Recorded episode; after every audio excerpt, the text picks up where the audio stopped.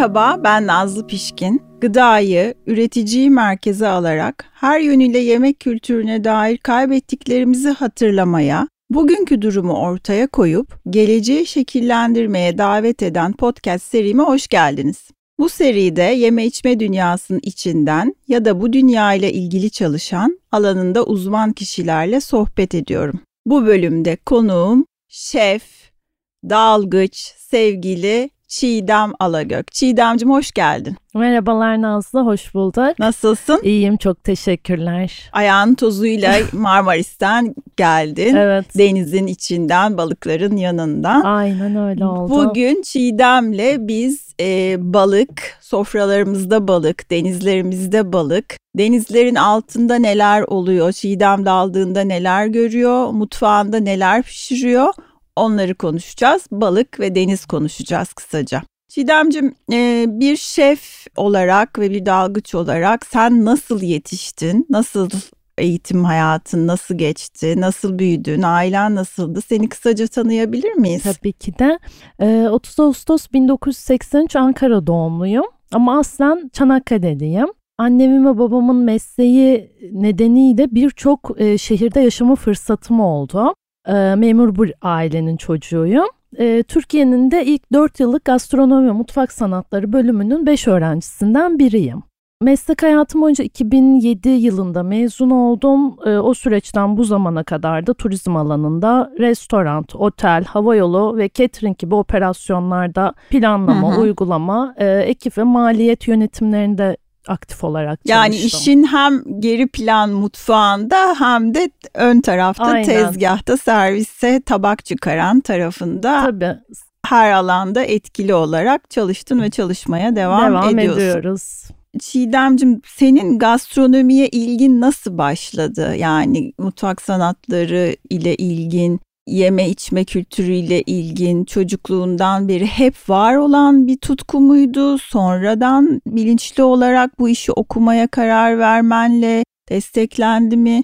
Nereden geldi bu mutfak ve şeflik tutkusu? Şimdi aslında biraz göçebe bir hayatımız oldu. Benim ailemde, büyük aileme bile baktığımızda hiç turizmle ilgilenen hiç kimse yok ailemizde. Ee, genelde memur Hı hı. Aileden geliyoruz işte teyzemler olsun, e, amcamlar olsun, babam, annem. Çok fazla gezdik. Ben şimdi dönüp çocukluğuma baktığımda o zamanlar aslında zor geliyordu 3 senede bir şehir değiştirmek. Elimizde sürekli bir bavul, arkamızda bir eşya kamyonu.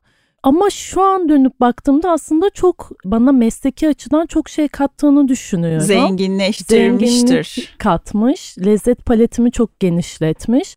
İlkokulu ben Erzurum'un Aşkale ilçesinde okudum. Okul çıkışları annem evde olmadığı için karşı komşumuza giderdim. Onun dört çocuğunun beşincisi olmuştum. Ve böyle o dönemlere dönüp baktığımda 1992-93 senelerine dönüp baktığımda böyle mutfakta cacalanın üstünde o kete yapımı, kadayıf dolmasının yapımını çok net hatırlıyorum. Hafızana ee, nakş olmuş o görüntüler. Aynen aynen öyle. Devamında yine aynı senaryoda Tekirdağ Saray ilçesine geçtik. Orada ortaokulu okudum. Orada yine köfte çeşitleri işte manda yoğurtları, alabalıklar, höşmerim tatlıları daha çok hayatıma girdi. Lise yıllarında da Konya'ya geçtim. Tabii Konya'da da artık elim biraz daha bıçak tutar olmuştu. O zamanlarda da işte en hala görüştüğüm sınıf arkadaşlarım Melek ve Banu'nun annelerinden de birçok yemeği öğrenme fırsatım oldu ve artık kendim de uygulamaya başlamıştım. Tabii bizim zamanımızda gastronomi diye bir bölüm yoktu Nazlı. Turizm bölümlerinde dersler okutuluyordu.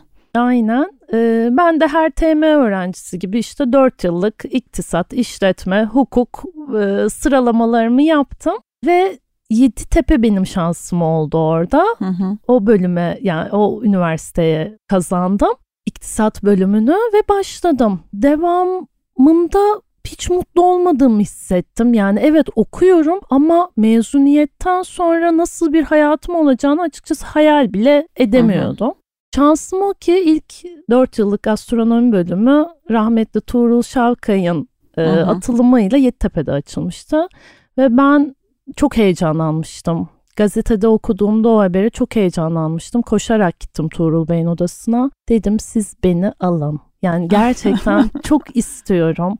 Bölümde e, okul içinde geçişimi yapın. Ben bu bölümde okumak istiyorum. Vedettin Dalan'ın onayıyla da ben öyle bir okulda geçiş yaptım. Tuğrul Bey de rahmetle, sevgiyle anısını e, yad ederek burada e, analım. Türkiye gastronomisi için çok büyük çalışmalar yapmış olan hakikaten çok kıymetli e, idi. Ruhu şad olsun. Ben de ondan ilk zeytinyağı tadım, profesyonel tadım eğitimimi kendisinden alma fırsatını yakalamıştım. Tabii şanssızlığımız o yıllarda işte 2002, 2003 bölüme girişlerimiz yapıldı ama biz Tuğrul Bey'i tabii çok erken kaybettik. Maalesef. Ee, Eylül ya da Ekim ayıydı yanlış hatırlamıyorsam.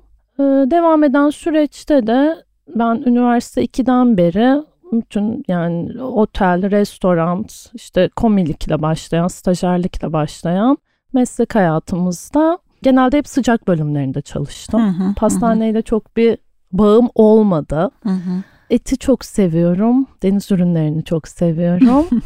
ee, ama en son işte çalıştığım yerde de son 8 yıldır Boğaz'da şefliğini yaptığım restoranda da gerçi pandemi döneminde kapattık tabii restoranımızı ama e, o dönemde de e, deniz ürünleriyle çok haşır neşir oldum ve dalış hayatım başladı. Hı. Şimdi sen Çiğdemcim dedin ki Çanakkale doğumluyum ve şimdi de İstanbul'da yaşıyorsun, çalışıyorsun.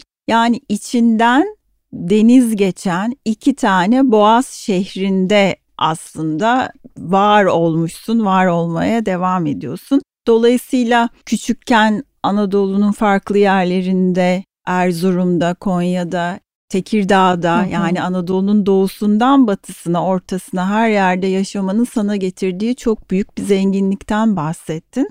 Ama içinden boğaz geçen şehirlerde yaşamış olmak da tabii senin denizle, balıkla, deniz mahsulleriyle ilişkini şekillendirmiştir. Zaten tabii. seviyorum diyorsun ve dalış hayatı e, bunu etkilemiştir senin buna bakış açısını, denize, balığa, deniz mahsullerine bakış açısını. Bu nasıl etkiledi Çiğdem? Yani hem boğaz geçen şehirlerde yaşaman, yaşamış olman hem de dalgıçlığa dalmaya başladıktan sonra denize ve deniz canlılarına bakış açın nasıl senin şefliğini, mutfaktaki tavrını nasıl etkiledi ya da ikisi birbiriyle nasıl bir etkileşim nasıl içinde? Nasıl örtüştü? Şimdi çocukluğa baktığımızda biz çekirdek bir aileydik. Üç kişilik çekirdek bir aileydik ve kış dönemleri öyle biz evde çok tencere tencere yemek yapmazdık. Hı hı. Daha böyle e, standart sofralarda geçerdi hayatımız. Ama yaz dönemi okulların kapanmasıyla birlikte ta ki okullar açılana kadar ben Çanakkale'ye anneannemin yazlığına hmm. giderdim. Ee, orada teyzemlerle ve teyzemin çocuklarıyla, kuzenlerimle buluştuğumuzda 3 aylık bir böyle e, yemek şölenleri yaşanırdı. E, işte sabahleyin klasik susamlı pişiyle başlayan sabah kahvaltıları, öğlen işte açma mantılar, kuru köfteler, bol kızartma. Ama akşam yemeği hiç değişmezdi bizim menümüzde. Neydi? He, her zaman balıktı. ee, Haziran aylarında yazdığımızın olduğu güzel yalıdaki iskeleye balıkçılar artık o gün ne tuttularsa bunlar genelde işte kolyoz olurdu, kupa olurdu, uskumru olurdu. Biz onları bahçedeki küçük tüpün üzerinde yani orada da yine balıkla ilgili aslında hep kızartma ve mangal üstünden giderdi menü. Ama işte taratorlu hazırlanan işte cevizlilerle e, hazırladığımız soslar olurdu. Çok severim taratoru. Aynen ben de bol sarımsaklı, bademli ya da cevizli sirkeli. Benim de en çok favorilerimden. Temmuz'un sonu, Ağustos'un başı da başı gibi de artık sardalya gelirdi mutfağımıza ve kendi egemenliğini artık ilan ederdi. Ee, Tabii Çanakkale ve sardalya. E, yağlanan sardalyalar biz onlara e, boklu kebap derdik. Hiç içini ayıklamadan taze evet. taze tutulur. Bol Mangala. yağlı. Mangalda direkt denizden çıktığı gibi sabah işte e, tutulduysa akşam mangalına onları servis ederdik. Ve ne zaman ki artık sardalya biterse artık azalırsa o dönemde de artık benim o sene artık nerede yaşıyorsak oraya otobüste dönme vaktim gelirdi. Peki şimdi tabii sen kendi mutfağında, yönettiğin mutfaklarda, ocağın başına geçtiğin mutfaklarda bu zenginlikten, bu çocukluk anılarından ve bilhassa Çanakkale'deki bu boğazla ve balıkla olan ilişkinden çok besleniyorsun ve bunları yansıtıyorsun sofralarına. Evet. Balık ve deniz tabi boğazlar deyince çok çok fazla anı, çok fazla edebiyat malzemesi var. Hem Çanakkale hem İstanbul Boğazı, Boğaziçi iki denizin yani Akdeniz'in ve Karadeniz'in birbiriyle öpüştüğü, buluştuğu nokta. E, geçiş alanları, yerler. Dolayısıyla balıklar için de göç alanları. Bir adeta biyolojik koridor bu iki boğaz. Dolayısıyla tarih boyunca bu balık bolluğu, bereketi üzerine çok yazı yazılmış, çok konuşulmuş edebiyata ve başka alanlara çok yansımaları olmuş. Maalesef tabii bugün iklim krizi, suların kirlenmesi ve ısınması ve başka başka nedenlerden dolayı tarihte gördüğümüz bu bolluk bereketi maalesef göremiyoruz. Ama geçmişte böyle bolluk bereket var. Evliya Çelebi benim çok sevdiğim bir seyyah. 17. yüzyıl Osmanlı seyyahı ve müthiş bir kaynak var bir sosyal bilimciler için sunduğu Evliya Çelebi Seyahatnamesi. 10 ciltlik kocaman bir seyahatname. Burada yeme içme kültürü, gastronomi ile ilgili çok çeşitli malzeme var. Çünkü gezdiği toprakların beslenmesini, üretimini de anlattığı için oradan çok fazla şey çıkartabiliyoruz. Balıkları da anlatıyor Evliya Çelebi seyahatnamesinde. Hamsi çok net anlatıyor orada. Evet, evet. Balıkları ve deniz mahsullerini anlatıyor. Bol bol bol bol anlatıyor. Ee, bunlardan anlattıkları balıkların içinde yenebilenler var, yenemeyenler var. Hı hı. 94 tane çiğdem yenebilir balık çeşidini anlatıyor Evliya Çelebi. 15 tane kabuklu ve yumuşakça adını sayıyor. Yenebilir balıklardan tabi sadece deniz balıkları değil, akarsu, göl gibi tatlı su balıklarından da bahsediyor. Mesela sadece İznik Gölü'nde 76 çeşit balık olduğunu inanılmaz söylüyor. Tabi bugün maalesef araki bulasın gibi. Alabalık çok seviyor anladığımız hı hı. kadarıyla çünkü alabalıktan bol bol bol bol bahsediyor. E, Van Gölü'ndeki tuzlu balık ihracatından çok bahsediyor. Çünkü bu tabii daha önceki dönemlerden de bildiğimiz, önceki yüzyıllardan da bildiğimiz bir şey. Yani inci kefalinden e, bahsediyor. E, böyle bir zengin e, bir kaynak. Kaynak. Onu da burada anlatmış olalım. Evliya Çelebi'nin bu kadar balık bahsettiğine hatırladıktan sonra bir soru soruyoruz. Acaba bir tarif var mı? Senin alanın. Bir tane tarif var. Koca seyahatnamede bir sürü balıkla hı hı. ilgili anlatı var ama sadece bir tane yemek tarifi var balıkla ilgili. O da hamsi. Hamsi. Ve Trabzon'da hı hı. anlatıyor. Ee, bu benim çok sevdiğim böyle bol e, sebzeli diyor o. İşte pırasa, maydanoz, kereviz yaprağı kıyılarak üstüne hamsiler ayıklandıktan sonra şişe geçirilerek hı hı. bir tepside pişirilen fırında e, fırında evet, tepside pişirilen bir, nefis. Çok güzel bir yemek. Ben onu birkaç kere e, yaptım özel e, toplantılarımda, etkinliklerimde. Hakikaten çok sevilen e, bir yemek. Belki bir gün sen de onu bir onu çok uzun süre alırsın. aldık aldık restorandayken onu çok uzun süre kış dönemlerinde menüye aldık. Çünkü gerçekten balıkların sadece bu balık restoranlarında gördüğümüz yani ızgara ve tava dışında çok farklı tariflerde aslında kullanılması gerekiyor. Evet. Onlarla birlikte bu lezzeti yakalıyorlar ve hak ettikleri tabaklar aslında onlar. Hamsi de bunlardan bir tanesi. Benim de kitabımda yer verdiğim örneğin hamsiye ait tek tarif Evliya Çelebi'nin kitabından hamsili kereviz. Ha işte benim benim favorim. O zaman çok güzel bir yere geldi sohbetimiz Hı-hı. Çiğdemcim. Buradan da bu müjdeyi ver, verelim sevgili dinleyicilerimize. Sevgili Çiğdem'in bir balık kitabı var basılmak üzere bu kaydı yaptığımız şu günlerde. Evet. yakında basılacak raflarda biz de göreceğiz, okuyacağız. Hem Çiğdem'in dalış anılarıyla hem tarifleriyle zenginleşmiş. Ee, ben tabii çok şanslıyım çünkü basılmadan görme şansına sahip oldum. Üzerinden bir geçtik bu güzel kitap, kitabı. Hmm, şimdiden basıldıktan sonra okuru bol olsun, yolu açık olsun. Çok teşekkürler. Balık konusuna, deniz mahsulleri konusuna hasredilmiş bir şef ve dalgıç gözünden yazılmış bu kitabı heyecanla bekliyoruz Çiğdem'cim. Aklına zihnine sağlık bu müjdeyi de vermiş olalım buradan. Şimdi e, senin dalış meselenle ilgili olarak su altını nasıl görüyorsun Çiğdem? Yani e, su altı tabii mutfaktan, şeflik pratiğinden çok farklı. Orada başka bir deneyim yaşıyorsun. Başka gözlemlerin var. Su altının kirliliği var. Suyun altının zenginliği, biyolojik çeşitliliği, bunun bozulması, yer yer korunması gibi pek çok mesele var. Hem dalgıç olarak hem de bu işin yani suyun altını hem de işin mutfağını şef olarak bilen biri olarak gözlemlerin ve çözüm önerilerin neler Çiğdem'cim? Şimdi ben e, dalış hayatına adım atalı tam bu sene 10 yıl olacak ve yaklaşık 500'e yakın yurt içinde ve daha çok yurt dışında dalışlarım var.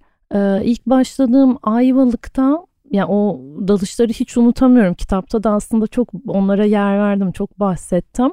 Ben çok zor alıştım aslında dalışa. Öyle mi? Ee, arkadaşlarımla birlikte gittiğimizde hadi bir deneyelim gibi başladık. İlk girdim Nazlı böyle kafamda direkt o mutfaktaki şey canlandı. O çok zaten derinlerde değiliz. 6-7 metredeyiz. Regülatörümden bir kabarcıklar çıkıyor. O bana böyle bir şey etkisi verdi. Haşlanıyorum sanki böyle fokur fokur bir e, hmm. su etkisi verdi ve beni çok rahatsız etti. Çıktık ama bir yandan da böyle bir ilgimi de çekti. Yani çok merak ettim ve hı hı. merakımın da peşinden çok koşan yaratılışta bir insana. Dedim tekrar deneyeyim. Yaklaşık bir 6-7 dalışta falan alıştım. Hmm. Suyun altında kalmaya. Bu herkes için farklı bir... Farklı ama buradan yani dalış yapmaya da merakı olanlar e, tek söyleyebileceğim lütfen tek dalışta karar vermeyin.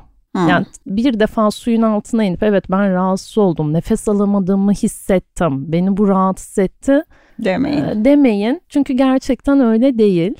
E, üstüne bilmiyorum yani tabii seviliyorsa şimdi su benim için çok ayrı bir meditasyon biçimi olarak ben görüyorum tamamen dalışı ve beni çok mutlu ediyor. Gerçekten yani suyun içindeki olan hayat çok eşsiz. Yani tarifi yok benim için. O heyecanımı yendiğimde 6. ya da 7. dalışımda Bodrum dalışında uzaktan kalamarları gördüm. Artık Hı. böyle 10 metrelerdeyiz. Çok hoşuma gittiler yani çok büyüleyiciydi. bir iki tane kara göz gördüm. Zaten onlar aslında hep oradaydı da ben o kadar telaşlıydım ki işte yukarı doğru patlar mıyım, paletim nasıl duruyor, nefes alıyor muyum? Yani gözüm Hı-hı. hiçbir şeyi görmüyordu. Ee, ama o dinginliğe bir geldiğinde gözün bir orada bir açılıyor ve e, çevrende olanları fark ediyorsun. Çok hoşuma gitti. Sonra İstanbul'a döndüğümüzde şimdi benim menümde her zaman işte kalamar, karides, ıstakoz, birçok A'dan Z'ye birçok balık vardı. Kalkanlar, palamutlar, ahtapotlar. Ee, Şimdi al, suyun altına onları görüp yukarı çıkınca ne oldu? Altında karşılaşıp örneğin birkaç dalışım vardır benim yine dalış badim Kaan'la çok çok güzel bir dalıştır o da. Dalışı tamamlayamadık ama yani çok güzel bir dalıştır ama tamamlayamadık. Benim için önemi çok büyük dalışı yarım kesmek zorunda kaldık ve dönüş yolunda ben ilk defa bir ahtapot gördüm. Böyle kayaların arasında kollarını toplamış. O kadar mutlu böyle kalın iri kollu. Hatta Kaan bana böyle eliyle ızgara işareti yapıyordu. Of. Dedim yani of. asla Ay, düşünemem yani asla düşünemem. Suyun üstüne çıktık. Dedim yani nasıl böyle bir şey düşünebilirsin? Ne var diyor şaka yaptım diyor. Alsaydık getirseydik yerdik. Tabii ki de espri maniyetinde söylüyor. Hiçbir ıı, dalgıç zaten suyun altında hiçbir canlıya Tabii. yani asla ne dokunmak yani dokunmak bile çünkü onların florasını bozuyor. e, tenlerindeki asla yani öyle bir zıpkınla avlama gibi bir şey söz konusu dahi olamaz. Çok hassasız o konuda. Ama tabii işe döndüğümde, mutfağa döndüğümde de yaklaşık bir seneye yakın o üzüntüyü yaşadım. Hı hı, hı. Yani sonradan biraz daha insan sanırım soğukkanlı oluyor ve devamında da onların hak ettikleri şekilde pişirilmeleri, e, uygun olan serse yani hep böyle doğru ateş, doğru marinasyon, doğru tabaklama, olması gerekeni yapma içgüdüsüyle hep hareket ettim. Malzemeye saygı şeyi saygı. çok farklılaştı. Ve de herhalde daha sorumlu üretim, sorumlu pişirme teknikleri yani daha az ya da ziyansız malzemeyi pişirmek gibi. Biliyorsun yurt dışında da bizde de çok konuşuluyor gastronomide sürdürülebilirlik, mutfakta sürdürülebilirlik. Bunun en önemli ayaklarından bir tanesi de profesyonel mutfaklarda ve de ev mutfaklarında malzemeye hak ettiği saygıyı vermek ve az, öz pişirmek, doğru tekniklerle malzemeyi daha az miktarda kullanarak özellikle deniz hı mahsulleri, balık, kırmızı ve beyaz et gibi hayvansal gıdalar için bu çok çok konuşulan e, bir konu. Ve aslında e, A'dan Z'ye her parçasını kullanmak. Evet. Buna işte kılçıkları, başı, derisi dahil olmak üzere kullanabildiğimiz en efektif şekilde hiç ziyan etmeden, çöpe atmadan o şekilde kullanmak. Evet bu bu akım bu şekilde bu usulde mutfakta malzemeyi kullanmanın bir terimi var biliyorsun. Türkçe'de ben buna şey diyorum. Kuyruktan kafaya, kafaya. diye e, yani kılçığını, kafasını, kuyruğunu, her yerini balığın kullanmak ve bunun hakkını vermek, değerlendirmek diye. Çünkü kaynaklar sonsuz değil. Değil, asla ne değil. toprağın üstünde, ne sularda, denizde, akarsuda, göllerde gıda sınırlı. Çok sınırlı. Sınırlı ve artık yavaş yavaş da sanki sonuna geliyoruz gibi duruyor. Bir çalışmada yine inceleme fırsatım olmuştu. Hem üniversitede hem de devamında bir Osmanlı mutfağı projesi yapmıştık. Orada Fatih Sultan Mehmet'in menülerine baktığımızda ben gerçekten o kitabı okurken o çıkan balıkların, o yapılan menülerin İstanbul'da olduğuna şaşırdım. Evet. Çok çok yani çeşitli beni balık çok var. şaşırtan bir menüydü. Yani Osmanlı mutfağında deniz ürünleri gerçekten çok geniş. Yani alalım açalım A'dan Z'ye menüye bakalım. Şu anda menülerin hiçbirini biz burada çıkartamayız. Evet çünkü hem balık ve deniz mahsulleri kısıtlı hem de unuttuğumuz teknikler var işin şeflik tarafıyla ilgili olarak pişirme teknikleri, ön hazırlık teknikleri gibi Hı-hı. çok unuttuğumuz teknik var. Gastronomide sürdürülebilirlik dediğimiz zaman aslında biraz da bu unutulmuş geleneksel tekniklerin yeniden canlandırılmasını da biz görüyoruz. Evet. Gıdanın her parçasının hakkıyla sonuna kadar kullanılması aslında bu unutulmuş tekniklerin ya da yepyeni modern teknolojinin getirdiği farklı tekniklerin kullanılmasını da mutfakta sürdürülebilirlik açısından önemsiyorum Önemli. ben.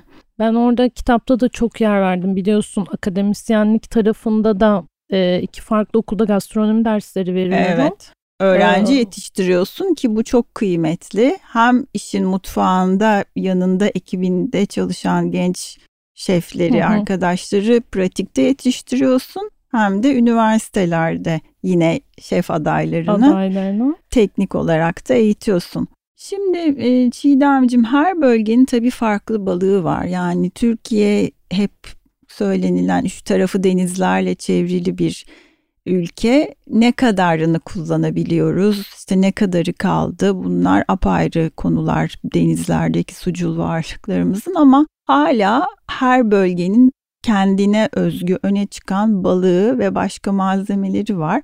Bunların da yerel mutfak, sürdürülebilir mutfak için çok önemi var. Yani yerel malzemenin kullanılması, yerel tekniklerin kullanılması sadece balık ve su ürünleri için değil başka malzemeler için de malzeme kategorileri için de geçerli. Sen başında olduğun mutfaklarda ve öğrencilerine okullarda bu konularda neler öneriyorsun, neler yapıyorsun? Yerel malzemeyi ne kadar mutfaklarında kullanıyorsun?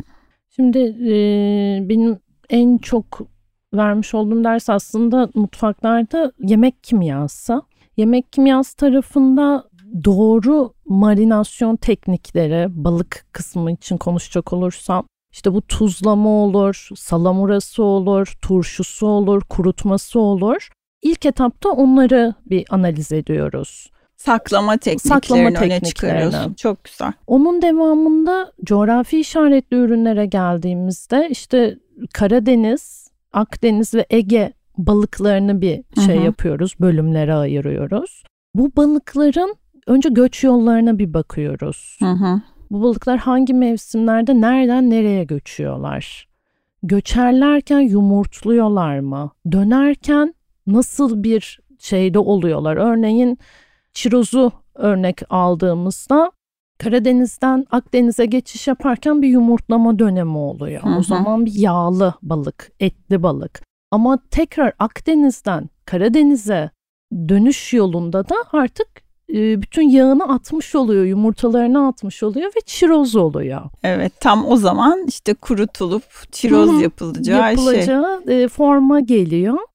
Orada yerel malzeme şeyiyle de eşlediğimizde o göç yolları aslında biraz bize bu şeyi evet. veriyor. Doğru zamanda o sürdürülebilirliğin olması için doğru zamanda avlanmaları, doğru boyutta avlanmaları, tezgaha geldiğinde de müşterilerin, alan Tüketiciler. tüketicilerin o bilince biraz daha yaklaşıp yani küçükse tepki göstermeleri o şekilde biz bu denizlerimizi aslında biraz koruyabileceğiz. Ee, balıkçıları orada ya onların vicdanıyla aslında biraz bu sürdürülebilirlik gidecek. Ve de var olan kuralların, kanunların denetim mekanizmalarıyla işletilmesi, balıkçıların sorumlu avlanması, bunlara uymaları, işin tüketici boyutunda da onların da bilinçli olup e, gereği gibi olan boydaki ve daha az doğru tüketim, sorumlu tüketimle güzel balık yiyebilme haklarına sahip çıkmaları. Çok güzel. Şimdi İstanbul demek tabii lüfer demek değil mi? Hani evet, yerel lüfer. malzeme, yerel balıklar Bayramı olan tek balık olabilir. Bayramı olan tek balık e, diyelim e, lüfer e, ve tabii Boğaz müthiş bir e, sohbetimizin başında dediğimiz gibi hem Marmara hem e, Akdeniz, Karadeniz'in ortasında olan Marmara Boğazı müthiş bir geçiş yolu yapıyor ve balıklar birbirlerini kovalıyorlar hep. Evet. Koşturmaca su de, altında. Evet İstanbul'u çok güzel anlatan öykülerinde çok güzel anlatan yazarlarımızdan bir tanesi öyküleriyle çok öne çıkan benim de çok sevdiğim Sait Faik Abasıyanık. Şimdi Sait Faik Son Kuşlar adlı kitabında Sivriada'nın Sabahı adlı bir öyküsünde Boğaz içinde alttaki Marmara'daki alttaki koşuşturmayı senin dalışlarında gördüğün koşuşturmayı şöyle anlatıyor. Diyor ki kıraçaları istavritler, uskumrular, uskumruları kolyozlar, kolyozları palamutlar, palamutları sinaritler, sinaritleri yunuslar, Yunusları orkinoslar kovalıyor Kovalar. diyor.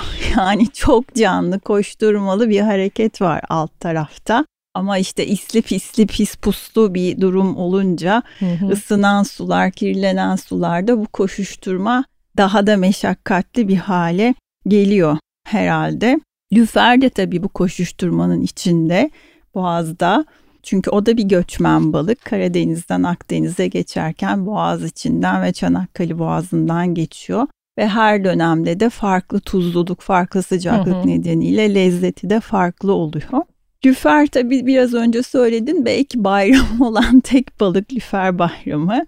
Ee, ve de tıpkı palamut gibi farklı boylarda adları değişen bir balık. Evet. Şimdi lüferin boylarına göre adları ya da boyları, ağırlıkları, kilogramda kaç adet olduğu ya da işte santimetrelerine göre farklı e, sınıflandırmalar var. Adları değişiyor. Nedik bunları bir sayalım mı? Tabii tabii. Çiğdem. Şimdi en minik olanı, en küçük olanına yaprak ya da defne yaprağı Defne yaprağı, deniyor. Evet. Çünkü defne yaprağı boyutunda Hı hı. iyice minik olan. Biraz büyüyor, çinekop oluyor. Ee, biraz daha büyüyor, kaba çinekop yani biraz daha büyük çinekop manasında kaba çinekop oluyor. Sonra sarı kanat oluyor işte sarı hareleri Hı oluştuğunda adı üstünde sarı kanat oluyor. Daha sonra lüfer oluyor. Sonra biraz büyümüş lüfere kaba lüfer diyor eskiler. Ve sonra iyice büyüdüğünde kofana, Kofana. oluyor. Kofana ben bir kere gördüm. Yani o çok büyük bir balık ve kofana artık herhalde epey Çok nadir, çok nadir. İşte kendi mevsiminde belki Sarıyer tarafındaki balıkçılarda rastlayabiliriz. Evet çok nadir. E, tabii lüfer çok avcı bir balık. Aynen hatta öyle. En balıkçılarımız saldırgan, en hırçın balık cinslerinden. Evet hatta balıkçılarımız dişli yani lüfer demiyor bazı Hı hı. balıkçılar dişli diyorlar çünkü dediğin gibi çok saldırgan. İstavrit'in peşinde koşuyor, hamsinin, uskumrunun bazen de çingene palamutun Palamudunu. peşinde koşuyor. İşte Said Faik'a geriye dönecek olursak o da o koşuşturmanın içinde. Lüfer'in peşinde koşan kim peki? O da Yunus. Yunuslar. O da Yunus da onun peşinde. Herkes birbirinin eee, peşinde koşuyor. Çiğdemcim benim eee, şimdi bir en sorularım var. Her Hı hı. konuğuma soruyorum. Senin gastronomi alanında tavsiye edebileceğin, sevdiğin, sende izi olan, etkileyen herhangi bir malzeme, senin vazgeçemeyeceğin bir malzeme. Bu bir balık olabilir, bir kokulu ot olabilir, Hmm. başka bir yani bir yemek malzemesi. Senin vazgeçemeyeceğin, sende izi olan, önerebileceğin. Yani izi olan aslında dönüp baktığımda bilmiyorum ama ben baharatları çok seviyorum. Yani Hı hı. Çanakkale'de de bizim mutfakta da aile tarafında çocukluğuma dönüp baktığımda bir baharat kullanımı aslında çok yoğun değil. Hı hı. Ve Herhalde sonradan lezzet paletime eklediğim bir şey bu.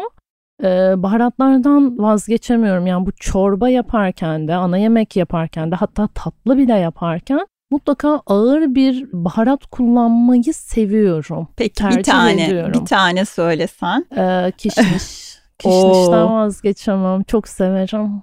Biliyorsun dünyayı Kişniş tohumu. Dünya ikiye ayrılıyor. Kişniş severler ve sevmeyenler Sevmeyenler.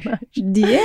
Onun da aslında biyolojik bir temeli e, var. Yani sabun kokusunu algılatan e, bir durumu var kişnişin. Onu sevenler var ve sevmeyenler var.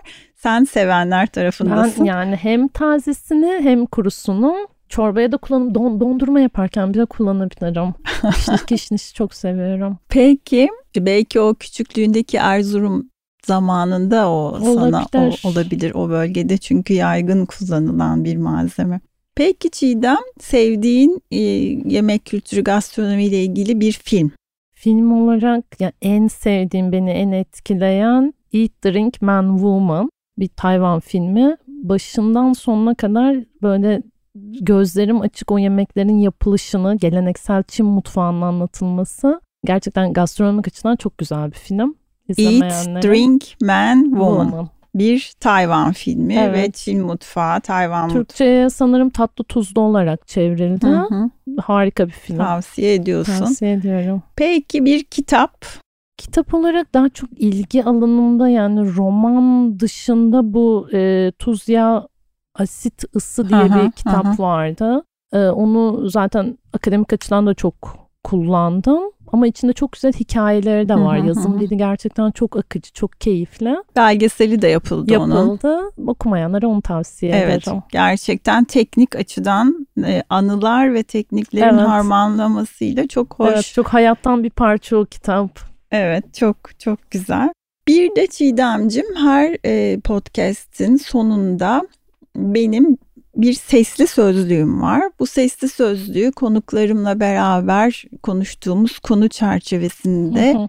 o konuyla ilgili olan terimler, deyimler, malzemeler ile ilgili olarak seçtiğimiz üç tane sözcük üstünden kurguluyoruz ve bunların tanımlarını yapıyoruz. Buradaki amacımız da bu konuya dair ufak akılda kalabilecek sözlük mahiyetinde bilgileri dinleyicilerimizle paylaşabilmek.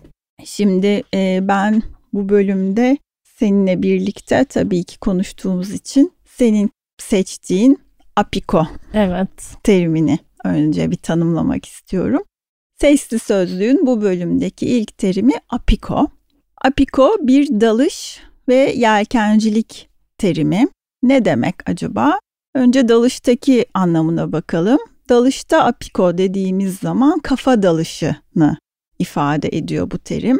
Yelkencilikte ise çapayı kumdan kaldırıp artık zinciri topladığımız zaman çapanın dik hale geldiği ve teknenin seyre hazır olduğu anlamına gelen onu ifade eden bir terim apiko. Diğer iki terimi de boğazlardan bahsettik, e, göçmen balıklardan bahsettik. Göçmen balıkların İstanbul'la en çok özdeşleşmişi olan lüferden bahsettik. O zaman bu göç terimlerini seçelim diye konuştuk sevgili Çiğdem'le ve bunlardan ilki Anavaşa ya da Anavasya terimi. Bu da Karadeniz, Akdeniz, Marmara ile ilgili göç balıkların göç yolunu ifade eden iki terimden biri ve ilkbaharda Akdeniz'de sular ısınmaya başladığı zaman göçmen balıkların Akdeniz'den Karadeniz'e yani güneyden kuzeye, kuzeye yani İstanbul'u merkeze aldığımızda güneyden kuzeye çıkışları göçü ne ifade eden terim ana vaşa ya da ana vasya. Bir de bunun tersi var tabii. Ters Her gidişin bir gelişi evet. var.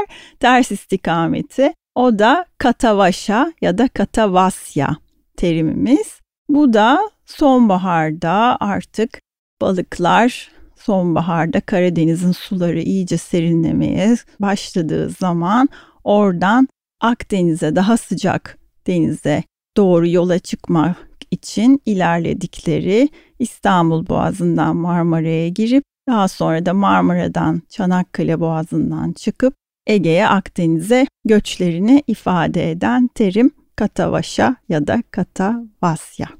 Evet Çiğdemcim hem denizinin içinde hem teknenin üstünde seyir halinde hem mutfakta senin yaptığın yemeklerin lezzetine tatmak, keyifli sohbetler etmek için çalıştığın restoranlarda, kurduğun sofralara gelen misafirlerini ağırlarken hem de sevgili öğrencilerinle üniversitelerde verdiğin derslerde hakikaten yeme içme kültürümüze, gastronomimizi sektörümüze çok büyük katkıları olan bir şefimizsin. Çok teşekkürler. Ayaklarına sağlık.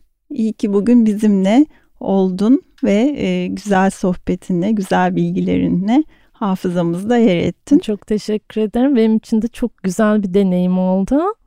Ee, bir balıkların üstünden bir geçtik, bir İstanbul'dan, biraz geçmişten bahsettik, duygulandık.